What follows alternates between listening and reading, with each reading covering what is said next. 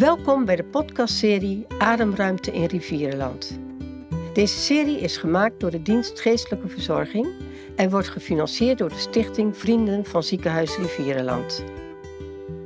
Met deze serie willen we de mogelijkheid bieden om de hectiek even los te laten en te luisteren naar interviews die voor iedereen een bron van inspiratie en steun kunnen zijn.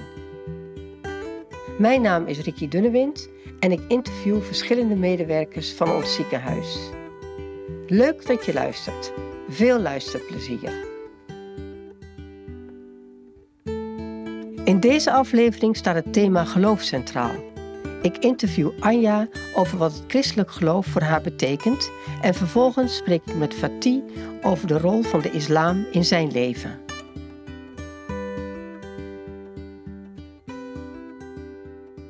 Nou, in elk geval welkom Anja. Ik had jou gevraagd uh, uh, voor dit thema hè, over geloven. Omdat uh, ja, ik jou een keer hoorde vertellen dat je wel eens op zondag naar de Rooms-Katholieke Kerk gaat. Ja, dat klopt. Ja. Ja. Dus toen dacht ik, nou, eens vragen Ja. of ze mee wil doen. Ja, graag. Ja. En, en, en ja, ik ben benieuwd, hè, is dat iets, ben je Rooms-Katholiek ben je katholiek opgevoed? Nee, ik ben uh, geboren in een, uh, een, een protestants gezin, zeg maar. En uh, nou ja, mijn ouders gingen iedere week naar de kerk. En ik ging altijd, dus eigenlijk, uh, ze zeggen wel eens met de paplepel ingegoten. En dat is het ook een beetje. Ja. En ik ging er altijd in mee. En toen wij trouwden, ik trouwde met een katholieke man. En toen heb ik een hele tijd eigenlijk heel weinig meegedaan. Mhm. Mm -hmm. Maar later toch besloten samen met een schoonzusje om uh, een, een, cursus katholieks worden te volgen. Dat, is, dat gaat gewoon in de winter een aantal avonden om ter voorbereiding van alle rituelen en gebruiken en dergelijke. Ja. En uh, dan word je dan in de paaswaak uh, word je dan gedoopt als je nog niet gedoopt bent, maar dat was ik al wel natuurlijk. Ja. En um, nou ja, dat, zo hebben we toen die overstap gemaakt. En, en wat, wat maakt dat je dat wilde doen? Het, uh, het, het, het, ja, het aparte. Ik vind, ik vind de rituelen in de katholieke kerk heel mooi. Mm -hmm. En de symboliek. Mm -hmm. Die vind ik uh, ja, wel, wel iets meer rijkelijker dan in een protestantenkerk. Ja. En dat, dat, trok, uh, dat trok ons toch wel aan. Plus dat ik inmiddels ook kleinkinderen had gekregen. En mijn schoondochter was katholiek van huis uit. En uh, ja, de kleinkinders natuurlijk ook. En dus, nou ja, nu is het hele gezin dan uh, zo. Is katholiek. Ja, is katholiek geworden, ja. ja. Ja, en maar, en maar vooral echt de aanleiding was vooral zeg, dat je zegt, nou ja, de, de rituelen en ja. net wat meer symboliek. Ja, maar toch, het, het, het is het uh, aparte, dat zal misschien niet iedereen zo erva ervaren. Maar als je uh, uit een, uh, een, kerkelijk bent opgevoed, zeg maar, Mhm. gelovig mm -hmm. bent opgevoed. En je doet er dan een, een, tijdje niks mee door een omstandigheden, een aantal jaren of zo. Dat het toch soms wel eens blijft kriebelen. Dat je er toch ergens dan bij wilt horen of zo. Ja. En uh, er kunnen ook omstandigheden in je leven zijn waardoor je zegt van. Uh, dat je toch wat meer steun aan het geloof gaat krijgen. Ja.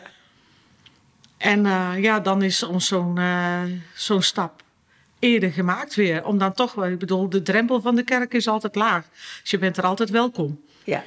En uh, dus ze zien je graag komen, laat ik zo zeggen. Dus uh, ja, dat, dat, dat is, was niet zo moeilijk om dat te gaan nee, doen. Nee. En, en uh, bij, je praat al over, er kunnen omstandigheden zijn in je Ja. leven. Hè? En, en heb je dat ook zelf zo beleefd soms? Dat je dingen meemaakte? Ja, zeker. Ik ben elf jaar geleden ernstig ziek geweest. En uh, ja, dan, dan ga je toch nadenken van... Um, zou ik binnenkort afscheid van het leven moeten nemen? Nou, gelukkig is het niet zo. Is het anders gelopen? Is het goed afgelopen allemaal? Maar dan ga je soms toch wat meer over het leven nadenken. Vaak Mhm. loop je, uh, je bent druk in je werk en met je gezin en alles. Dus je bent uh, aan het hollen en vliegen en, en doen. En dan uh, denk je er soms misschien te weinig bij na. En als je die omstandigheden wel hebt, Mhm. dat, je, dat je ziek bent, en, uh, ja, dan, dan kun je steun daaruit Ja. uithalen. Ja, dus dat heb jij zo beleefd ook. Ja, Dat je dat- eigenlijk is dat eh, eh, de, de wens om, om toch weer naar een kerk te gaan en dan naar een katholieke kerk. Ja, ja. Die, die was er al langer, maar eh, dat is toen een beetje versneld, zeg maar. Ja, ja. Dus door dat ziek zijn kwam die behoefte aan, aan ja, iets waar je steun aan kon blijven. Ja. Kwam, Ja, eh, om je aan er- vast te houden. Ja, Ja, ja, ja. Dat kan, eh, je kunt er kracht uit putten. ja. En, en hoe ziet dat er dan uit voor jou? Hoe dat eruit ziet. Ja. Eh, toen de tijd bedoel je? Bedoel Ja. ja, nou je gaat, je gaat er zelf over nalopen denken. Want je denkt misschien ga ik eraan overlijden. Misschien Mhm. moet je... ehm, eh, wil je vanuit de kerk begraven worden dan bijvoorbeeld of zo. Zulke dingen. Ja, ja. Daar ga je dan over nadenken. Nou, dan had ik toch bedacht dat dat een katholieke kerk zou worden. ja. Maar ja, die, die gaan niet eh, zomaar dat doen, denk ik, zonder dat je daar zelf eh, bij hoort. Mhm. Bij die parochie. Dus eh, zodoende kwam dat eerder naar boven Ja, het verlangen van, om, om vanuit die bedding zeg maar, van zo'n Rooms-Katholieke kerk Ja, begraven te worden. ja, ja, Ja. ja. En gelukkig is dat niet gebeurd. Gelukkig nog niet, nee. nee. En je, en je, maar je bent katholiek gebleven. Ja, En, eh, en nu, hè, nu het leven weer gewoon ja, zijn gang gaat, verder gaat.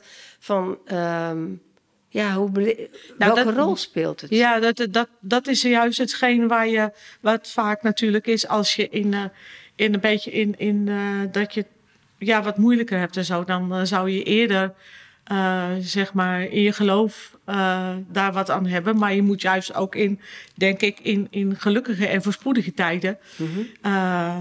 ook met God praten en, en, en bidden. En, of tenminste, dat moet niet, maar dat vind ik wel eigenlijk. Mhm. Het is niet alleen eh, dat God er is als je het moeilijk hebt, maar ook als je blij bent, dan mag je dat ook rustig zeggen. Is het een draad door je leven waarmee, ja, zo'n draad door je leven, iets waar aan je, je kunt God dingen vragen, maar je, ku- je kunt er dingen bij neerleggen, maar je kunt er ook vreugde mee delen. Zo, Ja. Zoiets? Zeker wel. Ja. ja. Je moet niet alleen als je zelf in, de- in, de- in de moeilijkheden zit, denk ik, eh, daarbij stilstaan, maar ook eh, in vreugdevolle tijden. Er zijn nou eenmaal ook lofliederen in de kerk, dus eh, eh, Ja. ja. Ja.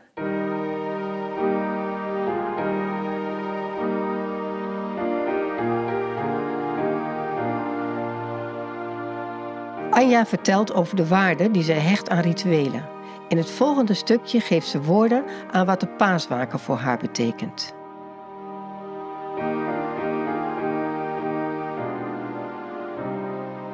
En wat ik ook heel mooi vind is altijd de, is de paaswaken. Dat vind ik ook heel, eh, heel indrukwekkend altijd.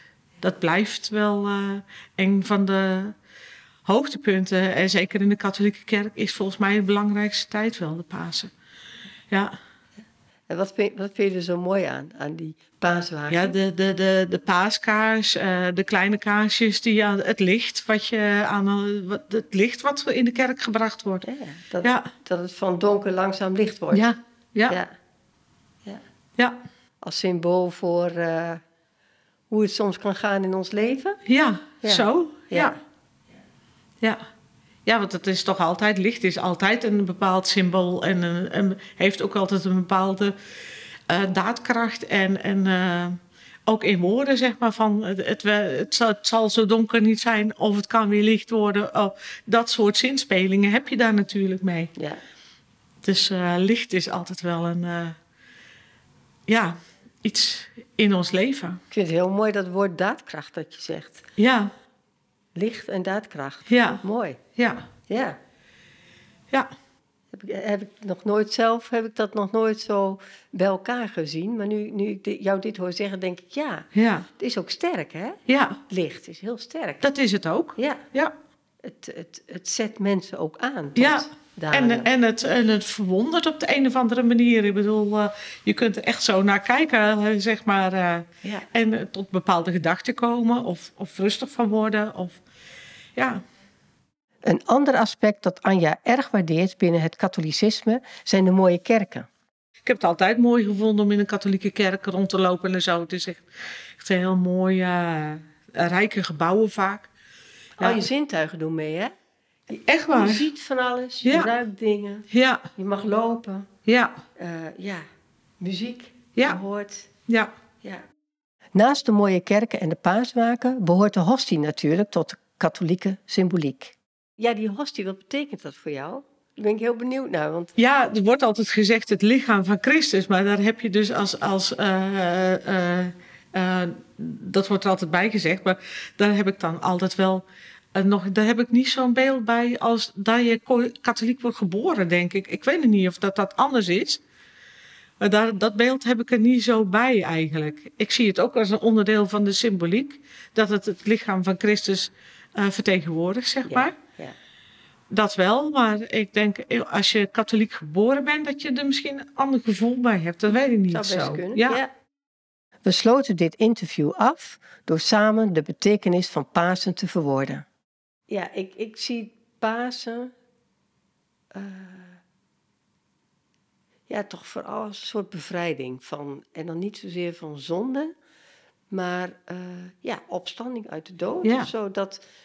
Nou ja, Christus is dan het symbool voor mij van ja, dat er uh, na het lijden, dat, dat er ja. weer nieuw begin is. Ja. En opstanding is. En, ja. Ja. Dus in die zin, ik ben dankbaar voor dat symbool. Ja. Ik ben dankbaar. Ja, ja dat is een goede uitleg. Maar ik, ja, het is ook wel dat symbool inderdaad ook. Vind ik voor de, ja, met Pasen heb je dat natuurlijk wel heel sterk dat dat naar voren komt, omdat je ook de gelofte en de belofte opnieuw allemaal gezamenlijk weer aflegt. Dus dan is dat weer een soort fris begin, ja, zeg maar. fris begin, ja. ja. ja. In het tweede gedeelte van deze aflevering praat ik met Fatih over de betekenis van zijn geloof voor hem.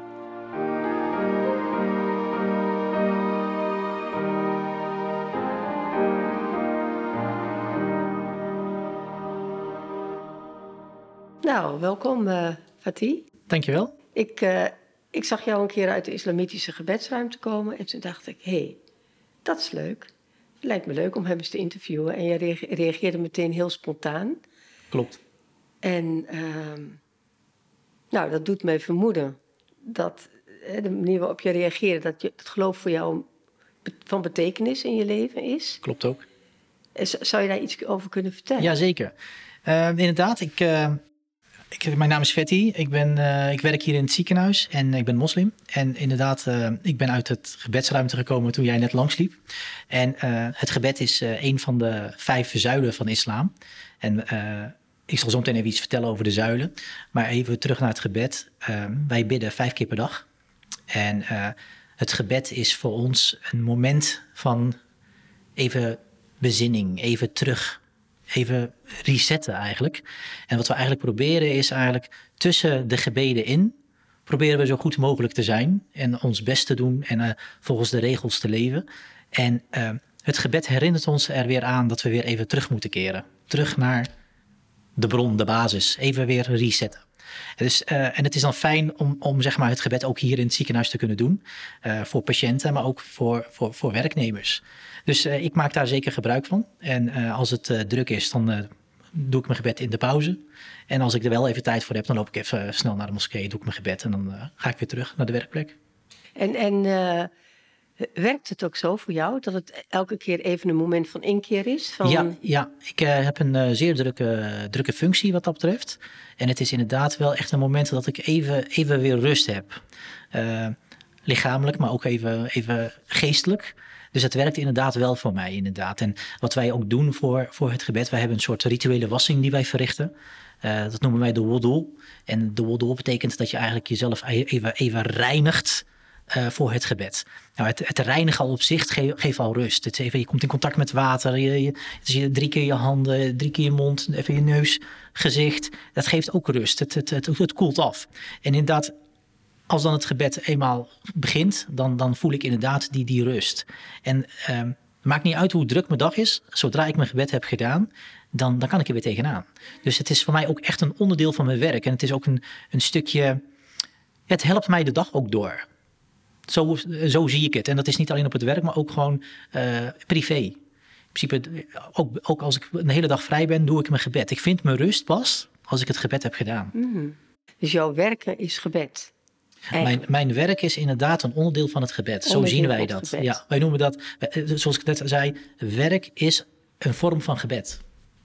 En zeker, en dat betekent niet als je hard werkt en vervolgens de kantjes er vanaf loopt, zeg maar. Nee, echt met een goede intentie je werk doen. Kijk, ik werk voor de organisatie. Ik wil mijn werk goed doen. Ehm, ik wil. eh, ik werk om mijn gezin te onderhouden, onder andere. Maar ik vind het ook leuk. En kijk, en dan is het als zijnde dat je in gebed bent. Ja. Dat je met een goede intentie werkt. Ja. Met de intentie om het voor de organisatie zo goed mogelijk te doen. Ja, klopt. Processen te Klopt, verbeteren. Klopt. De werkgever heeft een bepaald vertrouwen in mij en ik moet dat niet schaden. En Nee. dat doe je alleen maar door goed werk te leveren. Mhm. En dan komt er nog bij dat er hier ook gewoon een gebedsruimte is. Dus ja, weet je, het is alleen maar motivatie boven motivatie. Ja. Fatih vertelt over de Ramadan en de betekenis daarvan voor hem. Een maand van bezinning die je kunt zien als het jaarlijks opladen van een batterij. En een steun in de rug om goed te leven. Hij geeft het voorbeeld dat het na een maand stoppen met roken makkelijker is om het helemaal te laten. Door de Ramadan gaat Fatih nog meer de verbinding aan met zijn geloof, maar ook met mensen om hem heen. Toch merkt hij dat niet iedereen dat begrijpt of verkeerde ideeën heeft over de Ramadan of over de islam in het algemeen. Ik denk dat eh, heel veel mensen zich laten leiden wat de media zegt. Daar geloof ik zeker in. Ik denk ook dat heel veel mensen niet weten wat islam inhoudt. Ehm, ik wil eigenlijk ook echt de mensen vragen van... als je echt over islam wil weten, vraag het dan je buurman als die moslim is. Of zoek echt een, een boek op bijvoorbeeld waar ze eerlijk zijn over de islam.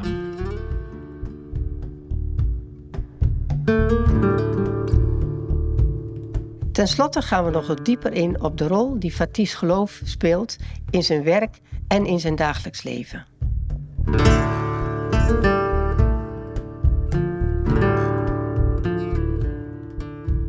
Dus dat, dat is voor jou, dat brengt jouw geloof in jouw werk. Dat, jouw geloof inspireert jou om oplossingen of mogelijkheden te Onder andere, ja zeker. Maar mijn werk, eh, je moet het zo zien. Eigenlijk is mijn geloof, zie jij de hele dag door. In alles wat ik doe. Het werk, hoe ik me op straat gedraag, hoe ik mijn kinderen opvoed. Respect voor ouderen. Ik zeg tegen mijn kinderen, respect voor mensen die ouder, ouder zijn. Oh wee, als je tegen iemand zegt die ouder is, van oh, een grote mond, dat wil ik niet hebben. Dat is niet wat ik wil, het is ook niet wat ons geloof ons leert, jongens. En dan geef ik ze voorbeelden van hoe het vroeger in de tijd van de profeet was. Wij noemen dat gedrag. Dat betekent goed gedrag. Dus kun je nog een keer zeggen wat jou, welke invloed dus jouw geloof heeft hè, als inspiratiebron op je werk? Ik kom op tijd op het werk. 100% er tegenaan gaan. Soms wel 150%. Eerlijk zijn. En ervoor zorgen dat ik nooit in de haram val. In het verbodene. En zolang ik dat doe, pluk ik de vruchten. We hebben processen die we hebben. We moeten werken. Mensen vertrouwen me. En dat is voor mij belangrijk. En ik hoorde je zeggen van, eh, mijn geloof brengt ook dat ik denk in, niet in problemen, maar in oplossingen. Ja, klopt. en En, mogelijkheden. en daar komt ook het stukje weer het voorbestemde. In principe, tuurlijk, ik ben, ik ben, ik ben een coördinator. En dan ben je een soort leidinggevende eigenlijk. En ook dat is niet makkelijk. Je moet, soms heb je natuurlijk best wel zware, zware momenten, zware beslissingen, et cetera. Maar ook daarin geloof ik van, oké, ik heb het nu zwaar. Het is voorbestemd. En een heel mooi voorbeeld is, ik heb ooit bijvoorbeeld een paar jaar geleden, of een paar jaar geleden, het zal inmiddels wel misschien wel 14 of 10 jaar geleden, 12 jaar geleden ongeveer, heb ik een keer gesolliciteerd op, op teamleider. En oh, ik dacht echt toen de tijd, ik ben er helemaal klaar voor. Ben het niet geworden. Jammer, vond ik toen. En daar zat ik heel erg mee. En toen dacht ik bij mezelf, ja, het is gewoon voorbestemd. Ja, het is gewoon voorbestemd. Ik ben er gewoon nog niet klaar voor. Het is nog niet, het is nog niet bestemd voor mij. En een paar jaar later, een paar jaar ouder, wijzer, heb ik terug gereflecteerd op die tijd. Ik ben nu inmiddels coördinator, dus ik ben wel wat stapjes omhoog gegaan. En toen dacht ik van, als ik het toen was geworden, dan was ik niet de coördinator die ik nu was geweest. Ik was toen nog jong, ik was gewoon heel direct.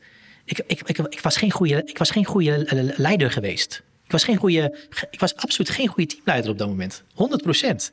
Dat, dat is een reflectie hè, die je dan doet. En nu doe ik dat gewoon heel anders. Dus het is echt op dat moment gewoon niet bestemd voor mij. En als ik daar toen wel teamleider was geweest, dan was ik ontslagen. Want ik, dat, 100% Want ik was gewoon geen goede teamleider geweest.